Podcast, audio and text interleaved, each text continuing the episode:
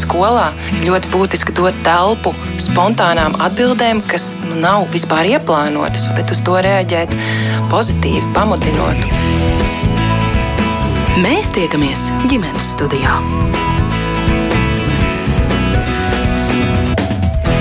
Labdien!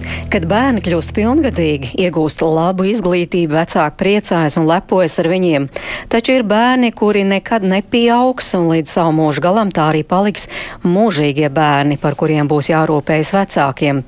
Kas Latvijā notiek ar ģimenēm, kad šie mūžīgie bērni kļūst pilngadīgi? Mūžīgo bērnu vecāki šajā brīdī tiek pakļauti tādam kā elles dansim.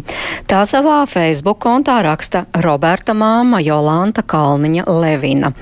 Roberts ir ar dziļu garīgu atpalicību, nestaigājošs, nerunājošs, pilnībā un totāli aprūpējams, un Robertam tūliņ paliks 18 gadu. Kāpēc Jolanta ar lielām bažām gaida dēla pilngadību, to tūlīt uzzināsim, jo eh, Jolanta Kalniņa Levina ir mūsu studijas viešņa. Labdien! Labdien! Un es mērķis noteņu studijā sveicu arī Labklājības ministrijas sociālo pakalpojumu un invaliditātes politikas departamenta direktoru Aldi Dūdiņu. Labdien! Labdien un attālināts sveiciens arī Rīgas apgabalties civilietu tiesas kolēģijas tiesnesē Ilzai Celmiņai. Jā, labdien! Un labdien arī Latvijas Bāriņtiesu darbinieku asociācijas pārstāvēji Liepājas Bāriņties speciālistei aizbildnības un aizgādnības jautājumos Inetai Fridsbergai. Labdien! Bet vispirms vēršos, protams, pie Jolantas. Tātad, nu, katrā normālā ģimenē bērna pilngadības sasniegšana, tā ir, tie ir svētki. Jums, kā jūs sakāt, elles dancis gaidāms. Kāpēc? Es jau vairākus gadus atliku tā, kaut kā tā banāli izklausās. Es centos atlikt to bērnu pilngadības pienākšanu, īpašā bērna pilngadību. Jo man bija bail, klausoties citu vecāku stāstus, pieredzi, kā tas viss ir noticis. Un kaut kā pilnīgi nejauši, teiksim, es sapratu, ka tūlīt manam dēlam būs 18 tūliņ. Un es šobrīd, šobrīd uh, novembra nogalē sāku vākt papīrus medicīniskos. Jo arī tas ir diezgan ilgi, kamēr savācam papīrus, pienāk rindas pie ārstiem nepieciešamiem, lai varētu bērnam nokārtot pilngadīgu cilvēku invaliditāti, kad viņam būs 18. Lai gan šobrīd bērns ir bērns, invalīds. Jā, viņš ir. Bet, uh, Tur ir tāds dīvains uh, noteikumu traktējums, ka bērns līdz 18 gadiem ir bērns, kura invaliditāte balstās uh, tiešām uz diagnozēm. Bet no 18 gadiem tiek iedalīts grupās, darba spējas, zudums un tā tālāk. Nu, šādam bērnam, kā manam dēlam, darba spējas zudums laikam simtprocentīgs ir, jo viņš nav spējīgs uz pilnīgi neko. Pilnīgi neko. Bet šie dokumenti ir jāvāc, jo viņam būs kā pieaugušam pirmo reizi, viņam piešķirs grupu uz kaut kādu laiku. Nu, varbūt piešķirs uz mūžu. Bet, Bet ar to vēl nepietiek. Protams, ka ne ar to nepietiek. Tad ir priekšā vēl bāriņtiesa, kurā man jāsniedz iesniegums ir par bērnu rīcības spējas ierobežošanu. Tur ir tāda nianse, ka līdz manam bērnam, kamēr līdz 18 gadiem, bāriņties par manu ģimeni neinteresējās vispār. Nu, pēc likuma viņam tas nebūtu jādara, ja nav kādu signālu. Pēc 18 gadu sasniegšanas kad es esmu šī bērna aprūpētājs, joprojām nekas jau nav mainījies. Es būšu aizgādnis šim bērnam. Tad man sāk tas kā vecāki man stāsta, kad ir jāatskaitās bāriņtiesai par to, kā es izlietoju šīs naudas, ko bērns saņem. Līdz 18 gadiem es viņu vispār varu tātad badā mērdēt, varbūt pārdot verdzībā vai vēl kaut kur, lai cik tas ciniski neizklausītos. Pēc 18 gadiem pēkšņi kādā valsts iestādē ļoti rūpējas, kā es tērēju naudu. Es jau tagad varu pateikt, es netaisos dot nekādas atskaites. Tas ir pazemojoši. Es zinu, kā vecāki ir iznākuši raudādam no bāriņtiesām, no tiesām. Uh, tāda sajūta, ka tie vecāki grib iedzīvoties uz šī bērna, slimā bērna rēķina, jo viņš ir pēkšņi, nezinu kāpēc, kļuvis 18 gadīgs, pilngadīgs, bet par sevi parūpēties viņš nevar vispār, jo viņš ir totāli aprūpējams 24 stundas diennaktī. Es pat nezinu, vai viņam vēl būs tā palietīvā aprūpe, kas pieaugušiem bērniem ir viena, pieaugušiem pavisam cita. Tur ir tik ļoti daudz nianšu un tik ļoti daudz birokrātisku uh, slogu šiem vecākiem. Ka, kas vēl arī jāpierāda tiesā. Jā, tieši tā. Un ir ārsti, kuri manu bērnu ir ārstējuši no dzimšanas, bet tajā pašā laikā, ja man nedod Dievs kāds pavaicās, kāpēc jūs vēlaties bērnam atņemt uh, rīcības spēju, Kāpēc man ar to pieaugušo puisi, vīrieti, kurš ir garāks augumā, pa mani jāstiepjas visur, ir, lai pierādītu, ka viņš ir tāds, kāds viņš ir? Un šodien es izlasu, kad vecāks ir šogad janvārī iesniedzis bāriņu tiesā un tiesā, vai es nesapratu bāriņu tiesā vai tiesā par rīcības spējas ierobežošanu.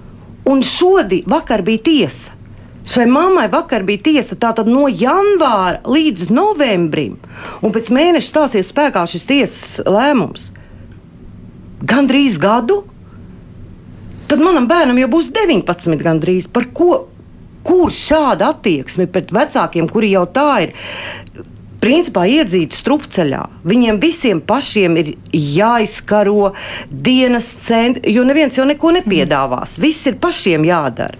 Pašiem ir grupas, tā invaliditāte jākārto, jāiet pie ārstiem, jāvadā tas bērns, ir jāpierāda, visu laiku nekas nav mainījies. Nu, tad iesim solīt pa solītim, šķetināsim, sapratīsim, kāpēc tas tā. Es vēršos pie Alda Dudiņa no Labklājības ministrijas.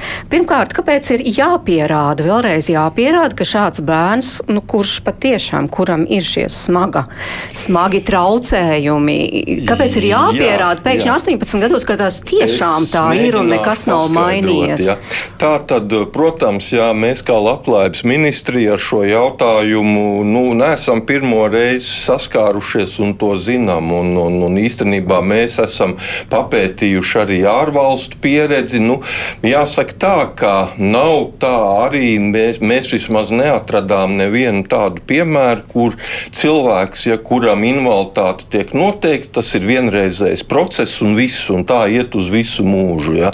Tā tad tomēr acīm redzot šīm atbildīgajām iestādēm, kas to invaliditāti vērtē, nu, būtu jāapskatās uz šo cilvēku, bērnu vai cilvēku nu, vismaz, vismaz divas reizes. Ja. Droši vien, ja, teiksim, ja ir smaga šī situācija, droši vien pietiktu arī ar tām divām reizēm, un es paskaidrošu, kāpēc. Tā tad atšķirās šie kritēriji. Ja. Kā jau kolēģi teica, bērna vecumā līdz 18 gadiem. Ja, tiek invaliditātes noteikšanas pamatā izmantoti šie tīri medicīniskie kritēriji. Ja? Tā tad būtībā diagnožu princips, kur nu, Pieņemsim viens piemērs šī BC, BCT, jeb ja bērnu cerebrālā trieka, kas ir ļoti populārs. Šī diagnoze, jā, nu, vai kādam viņa liekas smaga vai liekas viegla, nu, tas varētu būt tāds vai nu personiskā pieredze, vai arī tāds psihoemocionālais iespējas. Bet pēc būtības ja, šis viens medicīniskais kods, ja, kas ir ietverts starptautisko slimību klasifikatorā, ietver milzīgi daudz nianses, sākot no ļoti viegliem šiem traucējumiem, līdz situācijai, ka cilvēks ir absolūti gulošs. Bērna vecumā, nākot tik tiešām vairāk pretī vecākiem, ja, mēs mēģinām iet šo te īstenībā tas ir vienkāršākais ceļš, šis diagnožu princips. Tāpēc arī maksimāli tiek vienkāršota un, un iespējami ātri šī invaliditāte ekspertēta un noteikta. Savukārt, sasniedzot pieaugušo vecumu, jau iestājās citi kritēriji, tas ir būtībā šie funkcionēšanas ierobežojumi. Ja? Un pats galvenais invaliditāte jau tiek dalīta grupās. Bērnu vecumā mēs nedalām. Ir status bērns invalīds, pieaugušā vecumā ir pirmā, otrā, trešā grupa. Nu, bet zinām. tādā gadījumā, labi, Jolants savu Robertu vedīs, um, pierādījis, ka viņam ir nepieciešama invaliditātes grupa, bet nu, ar šādu, ar dziļu garīgu atpalicību, nestaigājošu, nerunājošu, pilnībā aprūpējums, kāds ir Roberts. Bet, bet... Tas nozīmē, ka viņam tad iedos uz visu tālāko mūžu. Nu, Nebūs es, vairs es, jāiet, nu, vismaz teorētiski. Es neesmu ārsts, eksperts, ja tā, tā tad tikai Latvijā noteikts ļoti šaurs cilvēku lokus drīkst šādus lēmumus pieņemt. Ja. Statistika mums liecina par to, ka no aptuveni 200 tūkstošiem cilvēku ar invaliditāti valstī pusē jā, šis lēmums tiek pie, pieņemts, ja tā tad šis status tiek noteikts uz mūžu, jeb bez šiem noteiktiem pārskatīšanas termiņiem. Tā kā, tāpēc jau arī mm, Jolanta skundze aizsāka šo te, nu, samērā būtisko tēmu, ja par to, ka ir nepieciešami šie medicīniskie pierādījumi. Ja, jo tam ekspertam, ja tīpaši kā ir šobrīd pamatā, jau tās ekspertīzes attālināti notiek. Un kas tad ir galvenais lēmumu pieņemšanā? Šie medicīniskie dokumenti. Protams, jā, bet tad, kad Jolanta rakstīja Facebook savā kontā, atsaucās arī ļoti daudz mammas ar līdzīgu pieredzi. Starp citu, mammas tēti varat rakstīt arī ģimenes studijai, stāstīt savus stāstus, nu, bet, piemēram, Gunda tad rakstīja, es arī tagad eju cauri šim idiotismam tā gunda raksta meitai 21. decembrī paliek 18, bet šobrīd esmu iestrēgus pie ģimenes ārsta un psihiatra. Vienai mūžīgās tehniskās problēmas, bet ar psihiatru ir pavisam bēdīgi. Nepietiek, ka bija vairāks atcelts vizītes, līdz beidzot uz vienu tikām, un šodien saņēmu ziņu, ka dakteri nopietni slima, nav zināms, kad varēs atsākt darbu, tālāk bērnu slimnīcā, garas rindas un tā tālāk. Tad, tad nav nemaz tik vienkārši to speciālistu atzinums dabūt. Nē, nu, loģiski, jā, bet no otras puses ir tā, jā, ja tik tiešām ģimenes dakteris ir savu uzdevumu augstumos, jā, un tas bērns regulāri nu, tiek gan mājas vizītēs vai ambulatorās vizītēs skatīts,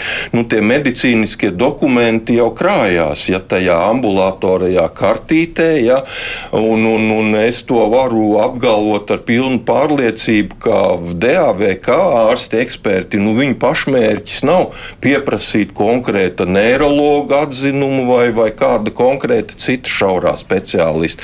Tas droši vien ir tajās situācijās, ja tas pats, piemēram, saku, ģimenes dakteris redz, ka nu, man īsti tās pierādošās medicīniskās informācijas trūkst, nu, tad tāpēc droši vien tiek veikts nosūtījums pie kolēģa, lai to iegūtu. Jolanda, droši vien jūsu dēlam vajadzēs psihiatrā atzinumu. Viņš ir psihiatru uzskaitē jau ļoti daudz gadus un ir. Uh, ģimenes ārsts uzraksta nosūtījumu formu, kuru aizpilda ārstējušie ārsti, kas ir bijuši visus šos gadus ar viņu. Nu, kamēr bērns tur ik pēc tiem gadiem noteiktiem, tagad arī iesim pie neiroloģa, bet aktuālais ir psihiatrs. Nu, protams, katrai diagnozei tur ir redzes invaliditāte, kustība invaliditāte, garīgā uh, invaliditāte. Ja? Nu, Roberts atbilst visām trijām. Nu, mēs iesim uz garīgo, jo tā šī gadījumā viņam ir viss smaga. Nu, visas ir smagas, bet nu,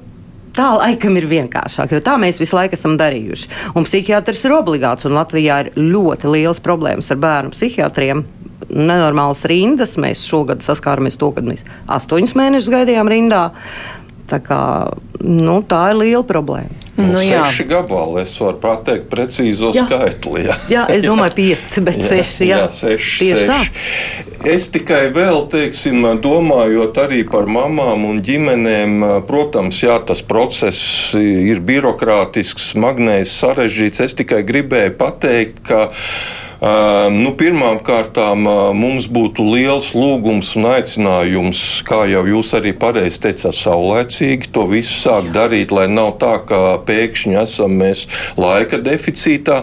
Un, un tajā nolūkā, lai tomēr mēģinātu paskaidrot cilvēkiem, mums ir ielikti video pamācību rullīši gan Labklājības ministrijas mājaslapā, gan DAVK mājaslapā, gan Valsts sociālās apdrošināšanas aģentūras mājaslapā. Tieši ar domu, kā pareizāk rīkoties šajos gadījumos, ja teiksim, jaunajam cilvēkam ir šie ļoti smagie funkcionēšanas ierobežojumi un tuvojās pilngadība. Ja.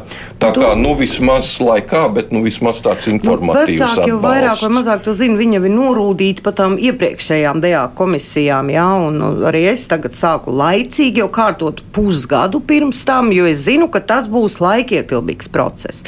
Un tad vēl, protams, ir tā. Un, uh, Rīcības spējas ierobežošana nedrīkst sākt ātrāk, kā, kamēr bērns ir pilngadīgs precīzi viņa dzimšanas dienā es varētu sākt kārtot šo jautājumu. Tas, ne dienu ātrāk. Tas nozīmē iesniegt tiesā Jā. pieprasījumu, ka jums Jā. būs vajadzīga šāda Jā. rīcības spējas ierobežošana. Nav pilngadīgs, es to nevaru izdarīt. Jā, nu tad tiesas pārstāvēja. Lūgums komentē, tā ir, ka tikai tad, kad bērnam ir 18, tad vecāki var sākt to otro etapu, tātad vērsties tiesā.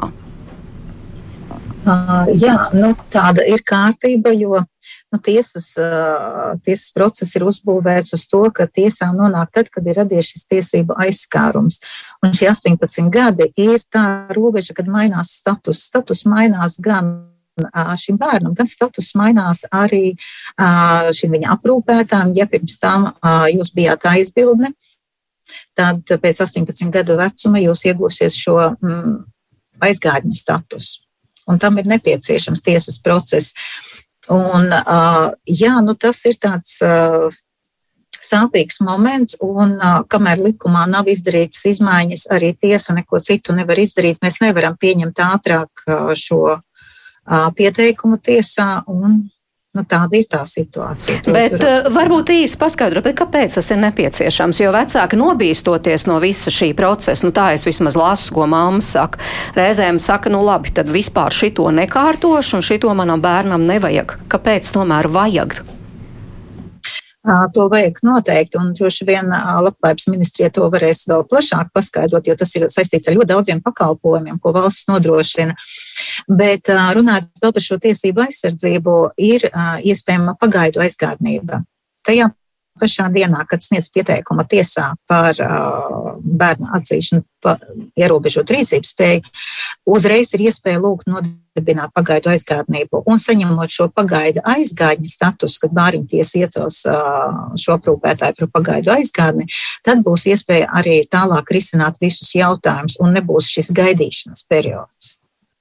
Nu, tad Labklājības ministrija vajadzīgs, lai vispār vecāks tā tad varētu rīkoties savu bērnu vietā. Jā, jā pavisam nu, nu, īsti. Kolēģi jā. no tiesas tiešām paskaidroja, ja, ka šeit ir runa par visu šo te lielo tiesību kopumu. Uh, jā, tas ir zināms un saprotams, bet ir arī ņemot vērā visus šos faktorus, arī ar visām tām rindām un gaidīšanām, tas, kas izskanēja par šo pagaidu aizgādnību, tas ir ļoti labs risinājums īstenībā. Bet tas to arī ir... es dzirdēju no vecākiem, ka nav tā, ka tu iesniedz un tūlīt tev viņu piešķir. Tur arī paiet kaut kāds termiņš, kamēr tu dabū pagaidu aizgādnību par šo bērnu. Tas nenotiek vienā dienā. Vismaz neviens vecāks nav teicis, ka vienā dienā to ir varējis nokārtot.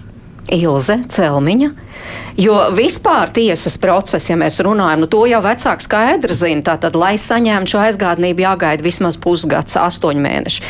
Nu, te Jolanta jau teica, ka kāda mamma rakstīja gadu Bet to pagaidu aizgādnību, nu cik ilgi? Pagaidu aizgādnība, ja mēs skatāmies no, no likuma viedokļa, ir grūti komentēt, jo tiesām ir ļoti dažādi noslodzi. Būs tiesas, kur jūs saņemsiet ļoti ātri šo uh, pagaidu aizgādnības, bet būs, nu, būs reizes, ka būs jāgaida ilgāk. Es nedomāju, ka kāda tiesa ilgāk par mēnesi vilkt šo jautājumu. Tas nu, būtu ļoti garš jau termiņš priekš pagaidu aizgādnības, jo visi šie pagaidu lēmumi un ātrie noregulējumi uh, ja mēs skatāmies arī uz pārējiem civil procesā iebūvētiem, tā, tās ir 15, 30 dienas. Tas ir tas īsais termiņš, kādā tiesai ir jāpieņem šis lēmums.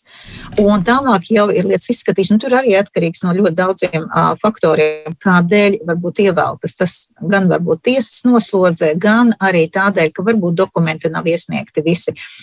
Uh, vai ir uh, tiesai kādas zināmas šaubas par šīm pašām medicīnas diagnozēm, kur nerod izskaidrojumi, lai varētu saprast, kāds lēmums ir jāpieņem.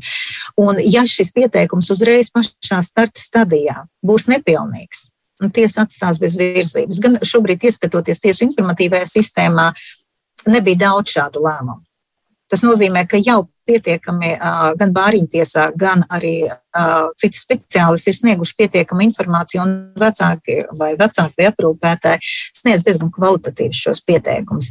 Līdz ar to nu, katrs gadījums ir individuāls, mēs varam skatīties, bet uh, mēnesis būtu maksimums, kādā šo pagaidu lēmumu varētu pieņemt. Bet svarīgi jau tikai ne tikai jautājumi, kāpēc vai cik ilgi, bet arī kā tas notiek. Un es atkal tiešām tās māmu komentāros pēc Jolānas rakstītā, nu, piemēram, Arnita raksta, es ar, dē, es ar savu dēlu izgājām tam cauri cauri, pēc pieciem gadiem tas murgs būs jāatkārto. Vistrakākais ir sēdēt tiesā ar slimu bērnu, sēdēt uz notiesāto sola, klausīties, kā tiesnes uzdod stulbus jautājumus, lai pierādītu, ka tiešām puika ir nepieskaitāms un slims. Tiešām pirms tam neviens nezina par tādiem bērniem, kā 18 gadi tā sākas visas tiesas, vai arī pārslas pieredze mums tam procesam aizgāja 9 mēneši, murks, tīrākais murks, tiesas zālē gan arī kritu histērijā, jo esmu māte, kas grib iedzīvoties uz savu bērnu rēķinu. Nu, tā mammas tur jūtas reizēm man ir ļoti žēl, tiešām, ka šāda pieredze ir bijusi un tāda saskara ar tiesām. Bet, Runājot par šo bērna ierašanos uz tiesas procesu, tas nav obligāts. Ja rakstot pieteikumu, arī šis pieteicējs norādīs, ka lūdz uz tiesas sēdi neaicināt vai lūgt nepiedalīties bērnam, tad arī šis lūgums tiks respektēts. Nu, tā, tādi ir arī likuma nosacījumi. Protams, procesuāli, kā ieinteresētā persona, šis bērns būs norādīts. Bet tālāk jau var risināt, un tas būtu tikai saprātīgi, ja arī bērnu nevestu uz šiem tiesas procesiem. Ne jau tiesnesis paskatoties uz bērnu to lems, jā, bet skatoties uz šiem, uz šiem dokumentiem un pierādījumiem. Un ko varētu līdzēt, protams, ir mēs visi strādājam un cenšamies, lai, lai būtu labāk šis process, bet neviens nav pasargāts kādreiz uh, no situācijām, kad šie jautājumi liekas netaktiski, kas tiek uzdoti. Bet uh, Līdzēt var, līdzēt var šis labi sastādītais pieteikums. Ja speciālisti palīdz sastādīt pieteikumu, kur nepaliek jautājumi ne par diagnozēm, ne par šo turpmāko virzību, kāda varētu būt, nu, tas ir tāds mans ieteikums likums. Jolanta, jūs ar savu Robertu gatavojaties šim tiesas procesam, Jā. kurš neapšaubāmi ir sagaidāms, ņemsiet līdzi? Jā, noteikti. Kāpēc? Tāpēc, ka papīrs pacieš visu. Un ja es pilnīgi nezinošs cilvēks, ne no medicīnas sfēras, galīgi nē, paskatos papīros, patiesībā tur var saprast, tā kā jebkuru likumu var saprast divējādi. Ja? Un, jā, aprūpējams, aprūpējams ir arī trīsgadīgs bērns un piecgadīgs vesels. Uh, Dziļgarīga atpalicība. Tur arī var traktēt dažādi. Uh, BCT, gastrostoma. Gastrostoma var būt pilnīgi veselam cilvēkam. Nu, viņam vienkārši nu, viņš nav tā relatīvi pilnīgi vesels, bet nu, viņam ir kaut kādas problēmas ar pārtiks uzņemšanu. Ja?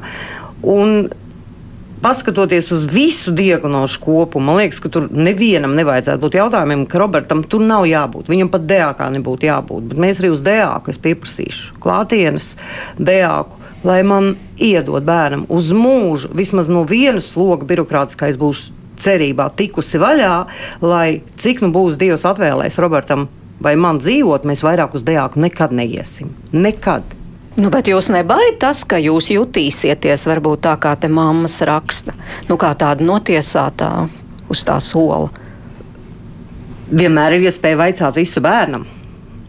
Man ir bijusi pirms vairākiem gadiem saskara bērnu tiesību aizsardzības inspekciju, kad nāca bērnu inspektore skatīties, kādēļ mans bērns kliedz diennaktīm. Un, protams, aiz sienas var rasties iespēja cilvēkiem, ka es viņu tur daudzu, situ un vēl nezinu ko. Un saprotam, viņi parunāja Robertu, kas bija pilnīgi bezjēdzīgi, Roberts neatbild uz jautājumiem, un tad viņi runāja ar manu divgadīgo meitiņu. Un, protams, jautājumu, vai tev mamma bāro? Tev garšo, ko mamma dod ēst. Man bērns saka, nē, negaršo. Tas ir kā normāli. Bet tā kā var traktēt dažādi, varbūt tur mamma viņam dod, nezinu, zābakšu norsvārītas. Ja? Tā kā, ja ir reāls, reāla situācija priekšā, lūdzu, lūdzu, jums ir cilvēks, kuram es, tā sliktā māte, vēlos atņemt rīcības spēju. Un, pārvaldīt viņa ienākumus, nu, tur tagad tērēt un darīt. Ja? Nu, lūdzu, redz, skatieties uz manu bērnu un pieņemiet normālus secinājumus. Viss. Nu, bet tagad bāriņties sekos līdzi, kā tas viss, piemēram, Jolantas ģimenē tālāk notiks, kā Jolanta tērēs šos ienākumus, kurus viņa saņem par savu slimo bērnu. Starp citu, Jolanta, cik lieli tie ienākumi? Nu, var padalīties, vai tas ir noslēpums? Es tagad īsti nezinu, kā ir, kad ir pieaudzis, tur ir savādāk mainās, tur tā, vairs tur nav tās piemaksas par bērnu invalīdu. Nu, nu, ir kopšanas pabalsts Robertam, nu, es ceru, ka piešķirs kopšanas pabalstu. Jā, jo pēc 18 gadiem tur arī var mainīties. Ir vecāki, kuriem nepiešķir kopšanas pabalsts. Tad, laikam, nu, jāprasa Dūdiņa kungam, viņš mm -hmm. labāk zinās tos ienākumus. Es varu tikai tā kalkulēt galvā. Nu, tur precīzās summas, protams, pateikt nevar, bet kā jau, kā jau, kā jau Kalniņš kundze teica, ja tā tad ir šis te īpašās kopšanas pabalsts, ja, un, protams, tā provizoriski izskatās, ka tur nevajadzētu būt šaubām, ka jums netiktu noteikti šīs Jā, bet, cik, īpašās kopšanas. Bet cik liela apmēram 313 eiro mēnesī. Mm -hmm. nu, tā tad bāriņtiesa skatīsies, kā tie 313 tiks izmantot. Kāpēc? Kāpēc? Kāpēc jūs pieslēdzaties tieši tad, kad bērnam paliek 18? Bāriņtiesa šajos gadījumos pieslēdzās tajā brīdī, kad mums šo uzdevumu dod tiesa.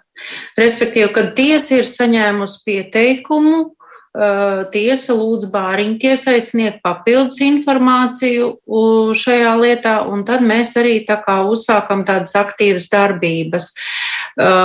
Ko mēs parasti darām? Nu, tātad, lai uh, saprastu, kā šis cilvēks ģimenē jūtās, kādi ir viņa apstākļi. Mēs ejam uz mājām, apskatāmies, eh, iespēju robežās parunājamies ar šo, šo cilvēku, jo, eh, kā jau te tika minēts, nevienmēr šāda saruna ir iespējama, un arī nevienmēr šis cilvēks pats ieradīsies uz tiesu. Nu, tad, lai tiesai būtu tā pārliecība, ka vismaz kāds ir bijis apraudzījis, tiešām nu, atbilst patiesībai, ja tā var teikt. Protams, arī nu, aprunājamies ar ģimenes locekļiem, lai saprastu arī, kāda ir šī ikdiena un kāda ir tā iespēja tam cilvēkam pašam realizēt savas ikdienas vajadzības un, un tiesības.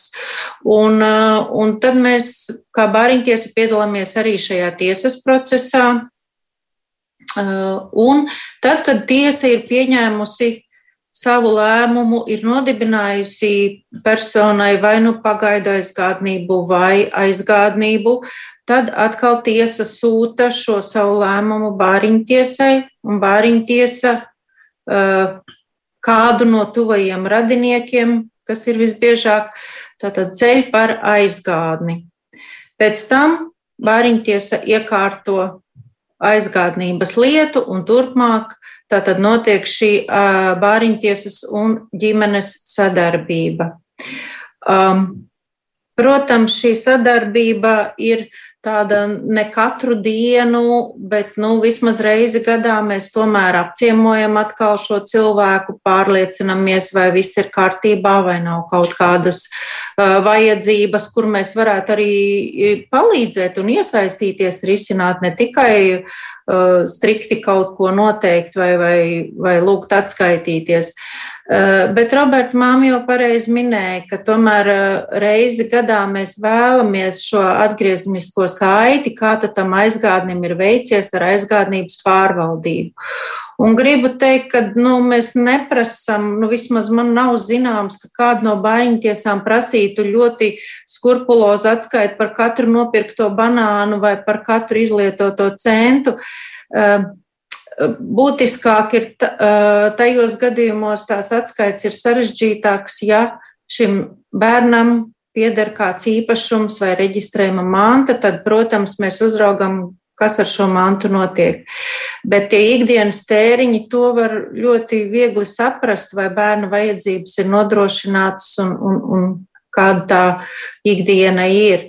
Jā. Vēl, Vēl, ja drusciņi īsi, es tomēr gribu aicināt ar to bāriņu tiesu uzsākt sadarbību jau varbūt drusciņi pirms šī procesa, jo mēs labprāt sniedzam šo konsultāciju, ar ko tad uzsākt šo lietu, jo mums bieži cilvēki arī vēl pirms šīs pilngadības tomēr zvana un prasa, nu man tuvojas tas brīdis, ko man darīt, ar ko sākt, un tad mēs ļoti labprāt arī izstāstam, kāda ir šī procedūra un, un iesakam šo ceļu, kā sākt.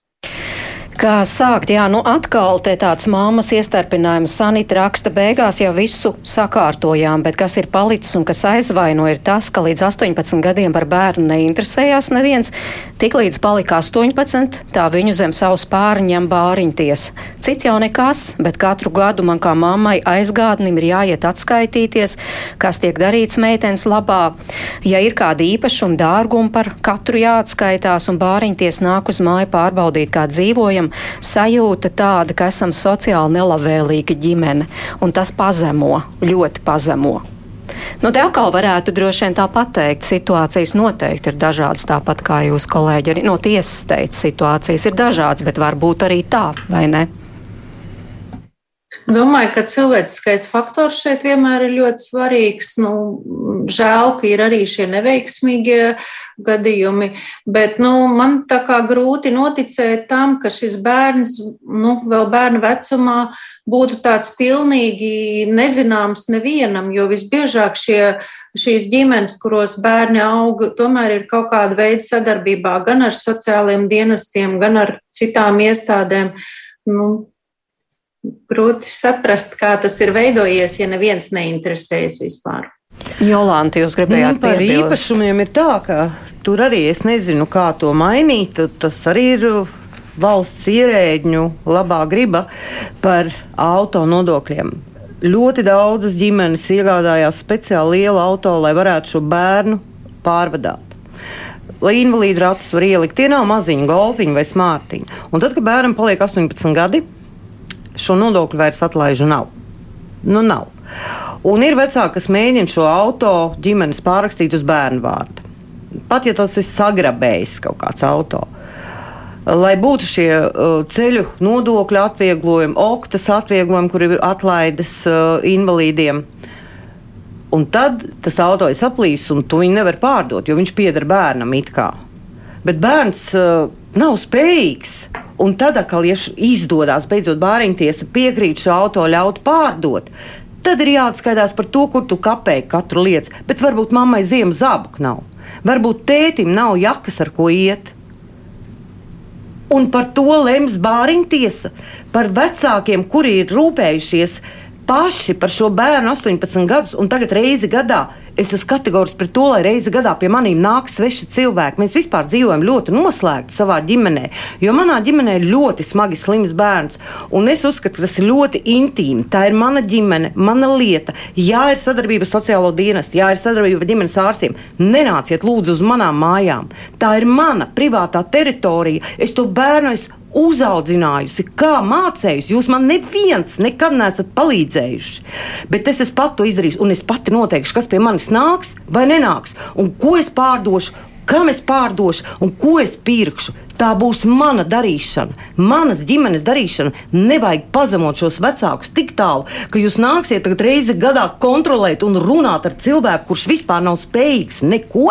Nē, tā tad izdariet izņēmumus, lai šādas ģimenes, kurās aug totāli aprūpējam bērni, lai nevilktos neviens svešais uz mājām. Pietiek jau, kad mēs esam sociālā dienas redzeslokā. Viņi drīkst nākt skatīties, jo tas ir transporta pabalsts, ko pašvaldības sniedz. Bet pāriņa tiesa kādā sakarā?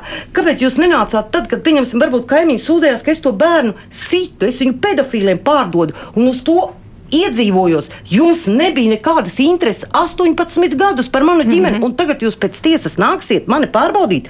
Kategoriski nē. Jā, nu, nē. Jolanta, jūs tiešām šobrīd oh. esat ļoti emocionāli, un es to arī saprotu, bet Dūdiņkungs varbūt varat iebilst, un tā gluži nav, ka neviens nav par šīm ģimenēm rūpējies, vai ka mm. valsts vispār netur ne, nu, nekādu rūpi. Nu, tā gluži nav. Jā, un es saprotu, ka attiecībā par sociāliem dienestiem, kas tik tiešām nodrošina cilvēkiem, tā ir pirmā iestāde, kas nodrošina nepieciešamos pakalpojumus un sociālo mm. palīdzību.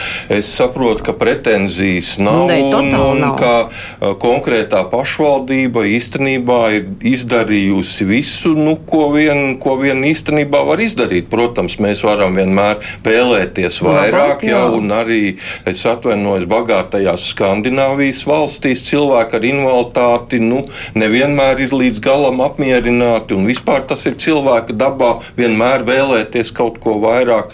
Bet nu, šajā situācijā, jā, ir lietas, ko mēs mēs varam sakārtot gan no valsts puses, ko mēs kā labklājības ministrija esam inicijējuši un turpināsim darīt. Ja?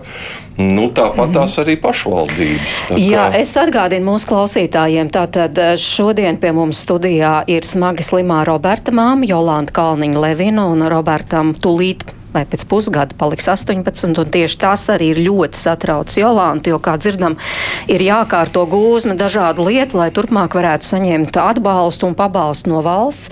Pie mums arī Aldis Dūdiņš no Labklājības ministrijas, Ilza Celmiņa no Rīgas apgabaltiesas un Ineta Fritsberga no Latvijas uh, bāriņtiesu darbinieku asociācijas. Viņa arī liepais bāriņtiesas speciāliste.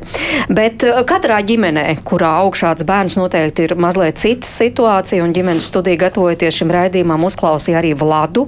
Viņas meitai ir garīga atpalicība un bērnības autisms, un viņa pateicoties informācijai no Velku biedrības, meitas pilngadības brīdim sāk gatavoties ļoti, ļoti laicīgi, un viņai izdevās meitai nokārtot pieaugušā ar invaliditātes statusu, dabūt bērnam savu kontu bankā, saņemt meitas aizbildniecību.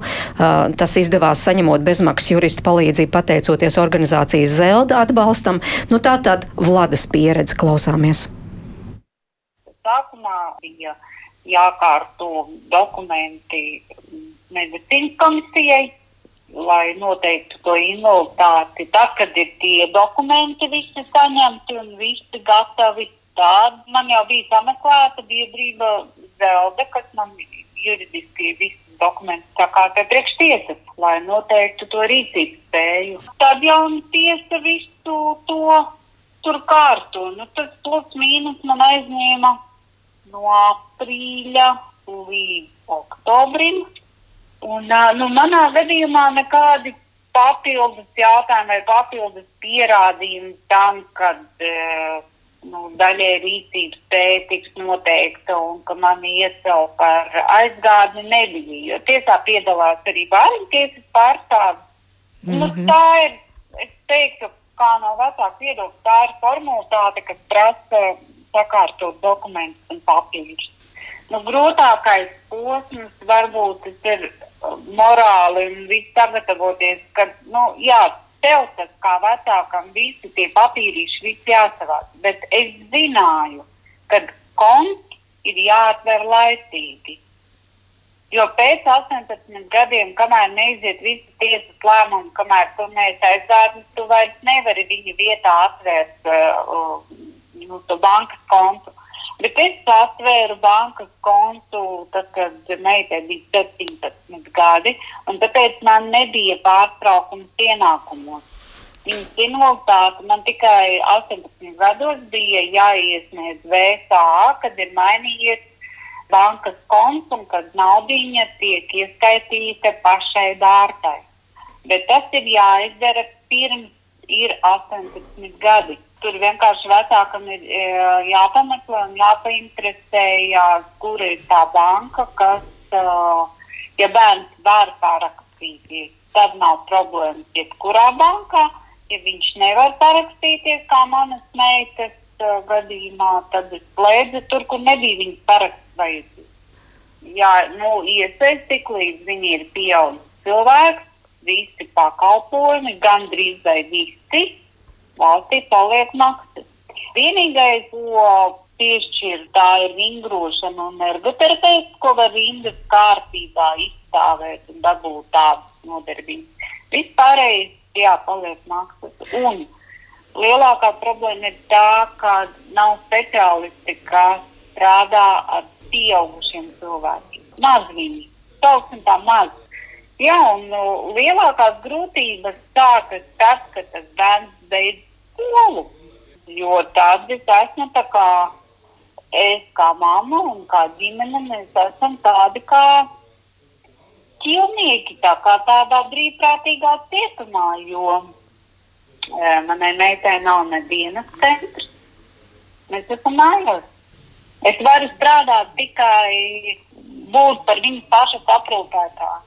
Es tāpat esmu viņas asistents pavadonis, bet ja pusaudzis vai pieaugušais cilvēks neapmeklē dienas centru, tad tās ir tikai 60 stundas. Nu, vienmēr sakot, kā ģimene mēs dzīvojam no tās naudas, ko saņem dārza, kā man meita.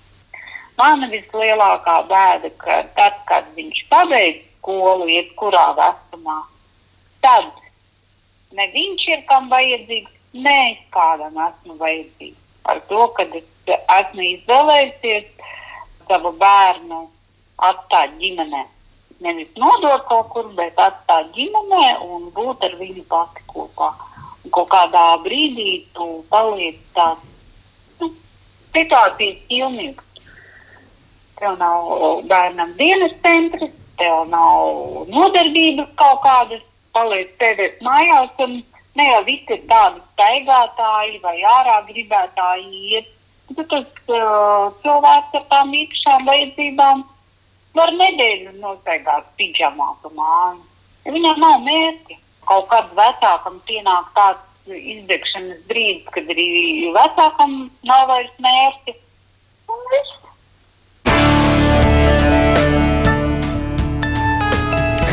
Nu, tāda ir Vladas sāpe. Tiešām ne tik daudz par šo visu birokrātiju, par to papīru kārtošanu, bet par to, ka viņas meita nu, varētu turpināt iet sabiedrībā. Bet nu, nav, nav dienas centru, kā Vlada teica.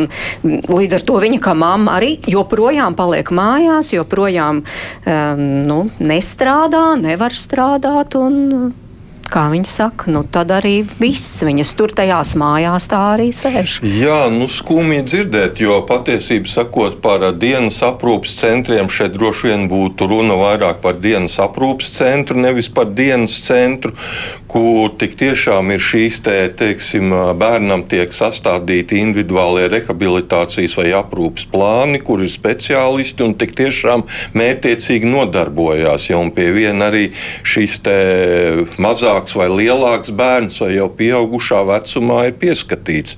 Bet tas nu, nozīmē arī pēc 18. Arī pēc 18 dienas aprūpas centri ir arī, teiksim, pieaugušā vecumā. Tas, tas nav nekas neparasts. Un jāsaka tā, ka Zinot arī to pašvaldību rocību jau ļoti sen, tas jau kopš 2003. gada ir paredzēts, ka valsts budžets četrus gadus līdzfinansē pašvaldībām šos dienas aprūpas centrus. Un, un droši vien lielākā daļa no klausītājiem ir dzirdējuši, ka no 2014. gada mums tiek īstenots valstī tā saucamais deinstitucionalizācijas projekts. Tas nozīmē to, ka nu, 90 miljoni Eiropas Savienības naudas tiek ieguldīti, lai attīstītu, ja, kā tas arī konkrēti izskanēja, te sabiedrībā balstīto pakalpojumu sistēmu. Un šeit ir runa tieši ja, par minētajiem dienas aprūpas centriem nu, un citiem līdzīgiem pakalpojumiem, Līdz... kas šajā gadījumā būtu palīdzoši un noderīgi. Līdz cikiem strādā tādi dienas aprūpas centri un vai visiem pieaugušajiem? Nu, pietiek? Nu, Tas jau par to pietiekamību, tas jau katra konkrētā pašvaldība savā administratīvajā teritorijā plāno šos pakalpojumus. Ja. Ir tā, tad uh, mēs tomēr labticīgi domājam, ka šīs iedzīvotāju vajadzības ir zināmas un apzinātas, un kā jau arī raidījumā izskanēja, sociālais dienests tomēr saprot, zina šos cilvēkus, tātad attiecīgi plāno arī šos nepieciešamos pakalpojumus. Un tad, ja, kā jau es teicu, ir, protams, variants, ka pašvaldība tīri no saviem budžeta līdzekļiem veidoja šos šīs pakalpojumu sniegšanas vietas, tad ir variants kā ar valsts finansiālo atbalstu, un, un tas, kas ir beidzamajos gados par šiem Eiropas Savienības struktūra fondu līdzekļiem. Un jāsaka tā, ka uh, būs arī nākamais struktūra fondu periods, un nākamajā struktūra fondu periodā tas akcents, ja nu no mūsu kā labklājības ministrijas puses tieši tiks likts uz īpaši smagajiem cilvēkiem, ja, un tur ir pietiekoši lielas summas paredzētas, ja, lai izstrādātu pirmām kārtām jaunus, inovatīvus pakalpojumus. Mums būs iespēja tāda, kā, kāda īstenībā. Nu, tā mūsu, mūsu tādā vēsturē nav bijusi, ka būs iespējams nākt vai pašvaldībām vai nevalstiskām organizācijām uz tā saucamo inovatīvo pakalpojumu ideju konkursu.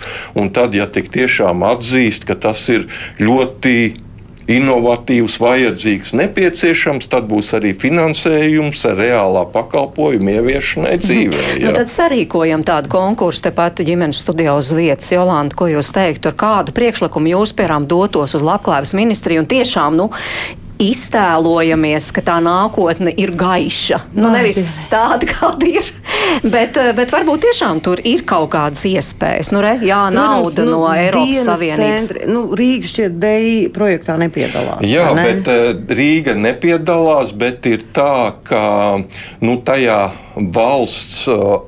Atbalsta sistēmā piedalās, ja tajā četru gadu mhm. līdzfinansējumā. Un Rīga šobrīd caur nevalstiskajām organizācijām piedalās tā saucamajā trešajā, gan otrajā, gan trešajā kārtā, kur ir bērni ar funkcionēšanas mhm. ierobežojumiem, un tur tieši pakalpojumu pakalpojumu izmaksas kā tādas tiek sektas no struktūra fonda Neiedziļināsimies konkrētā situācijā, konkrētā vietā, pasapņosim, ko varētu darīt uz labu. Nu, domājot uz priekšu, kaut vai nākamos četrus, piecus gadus. Protams, par savu situāciju runāt un tādiem vecākiem kā es, ar tādiem smagi slimiem bērniem, pirmais gribētos pātrināt visus šos tiesiskos procesus mazāk pazemojumu vecākiem. To pašu bāriņtiesas apmeklējumus varētu ļoti labi pildīt to pašu sociālo dienas darbinieku, kas ir to darījuši līdz šim.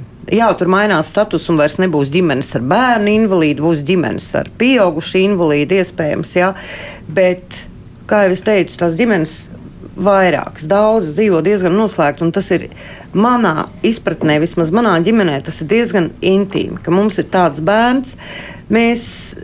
Man viņš tiešām ļoti smagi slims. Mēs maz ejam ārā, mēs maz socializējamies, jo viņš nav socializējams. Viņš galīgi nav socializējams. Uz jautājumiem neatbildēs. Uh, pēc iespējas mazāk šos birokrātiskos jautājumus Jo viss mainīt likumdošanu, mainīt noteikumus neprasa finansiāls ieguldījums. Tā ir cilvēka brīva griba palīdzēt šādām ģimenēm, kuras jau tā ir pašas situšās šos gadus. Jā, kā Dūdiņkungs teica, manā gadījumā mums ir fantastiska sadarbība ar sociālajiem dienestiem, ar labklājības departamentu. Man nekad neviens nav atteicis palīdzību.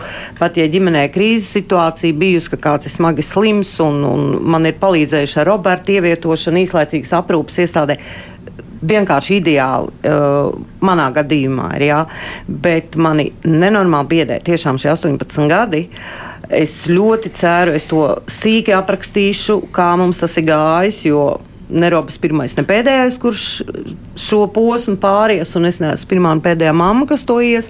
Es ļoti gribētu, lai tiktu atslogota šī birokrātija vecākiem, lai vecākiem būtu arī pēc 18 gadiem uh, iespēja iziet sabiedrībā, strādāt, asistents, lai būtu mājās vai tie paši dienas centri. Jo es pieļauju, ka tad, kad bērns 18 gados vecāks par viņu ir ļoti cīnījies, mēģinājis socializēt, un tad pēkšņi viņš paliek mājās, tās visas prasmes arī sāk pazust. Nu, reāli viņam nav viņas, kur izlikt. Viņam nav kā Māma Vlada mm -hmm. teica, viņam nav draugu, viņš tur baigi neiet ārā. Tātad tā socializācija paliek mājās, un līdz ar to mēs atsitam atpakaļ. Tas ir tas cietums. Cietumā cilvēki arī socializējas tikai tajā savā rāmītī, būrītī. Un tā ir noliktie vecāki. Arī tiek samazināts, mazāk naudas arī paliek starp citu. Tāpat par inkotents līdzekļiem tur ir mazāks atbalsts. Par medikamentiem arī droši vien nav vairs. Lai gan tāpat jau par visu tiek maksāts arī, ja ir simtprocentīgi atlaide starp citu. Nu, man gribētos, lai mazāk būtu birokrātijas, lai mazāk būtu šo svešo cilvēku, mazāk pazemojumu vecākiem un, un iestrādāt tā, lai šādos gadījumos var, nu, var pātrināt. Tā ir brīva cilvēka griba vienkārši izdariet tiem vecākiem tādu pretīm nākošu žestu, vienkārši atbalstiet likumdošanas līmenī, lai viņiem šis būtu posms viegls. Un tāpat par bankām, ne visas bankas atver kontus. Tur ir jāatrod banka. Es nesaukšu tagad bankas, kuras to dara. Ir viena vai divas bankas. Viss. Nu jā, tā kā mēs arī ģimenes studiju noteikti sekosim līdzi, Jolanda, ko jūs rakstīsit, kā jūs dokumentēsit šo procesu, kad jūsu bērnam paliks 18 gadi, cik sarežģīti vai viegli jums veiksies, un arī mūsu klausītāji mm, dažādi vērtē to, ko mm, dzird, un, piemēram, Arnolds eh, raksta, es ar fizisku invaliditāti no bērnības esmu Jolandas pusē, un Dūdiņa kungam iesaka padomāt, lai atvieglot šo ģimeņu dzīvi. Un izbeigtu viņus pazemot un domātu par tiešām reālu atbalstu šiem ģimenēm, vai arī, piemēram, Anna raksta, ka pabalstus dodiet, tā saka šīs ģimenes, bet sistēmu pielāgojiet man un uz mājām nenāciet. Nu, kaut arī bāriņties pārstāvs saka, ka tas ir labu, loģisku mērķu vadīts šis, un, un lai palīdzētu cilvēkiem. Un te, piemēram, vēl mums raksta godīgi sakot, no vienas puses žēl, bet no otras puses tā ir nodokļu maksātāja nauda un ir tiesības uz atskaišu saņemšanu. Un, eh, piemēram, Aija, Aija raksta tā, noliecu galvu un nometos ceļos, Jolāns un citu vecāku, kuriem ir šāda dzīves problēma. Savukārt ierēģiem kas atsaucas uz birokrātiskiem noteikumiem, novēl izdzīvot šīs sāpes, vajag ieslēgt loģisko domāšanu. Mūsu pusē ir māmiņa ar mūžīgo bērnu, kurai jāved bērns uz skolu pēdiņās, kur visu daru māmiņa, atkārtot iet skolā, bet ja nevedīšot, tad bāriņu tu ies noņems. Un tālāk, nu lūk, tik dažādas situācijas, un par tām mēs noteikti kādreiz turpināsim arī stāstu ģimenes studijā. Es tiešām šajā brīdī paldies saku studijas viesiem, Aldim Dūdiņām, Ilzai Celmiņai, Inetai Fritsbergai un Jolantai Kalniņai Levi, Levinai. Paldies, ka klausījāties. Raidīja producenta Ilze Zvaigzne, es Mairits Notiņa pie mikrofona un rīt runāsim par to, kā veicināt bērnos radošumu. Starp citu, tāda ļoti noderīga prasme nākotnē. Paldies tiešām, ka klausījāties un lai jums darbīgs dienas turpinājums.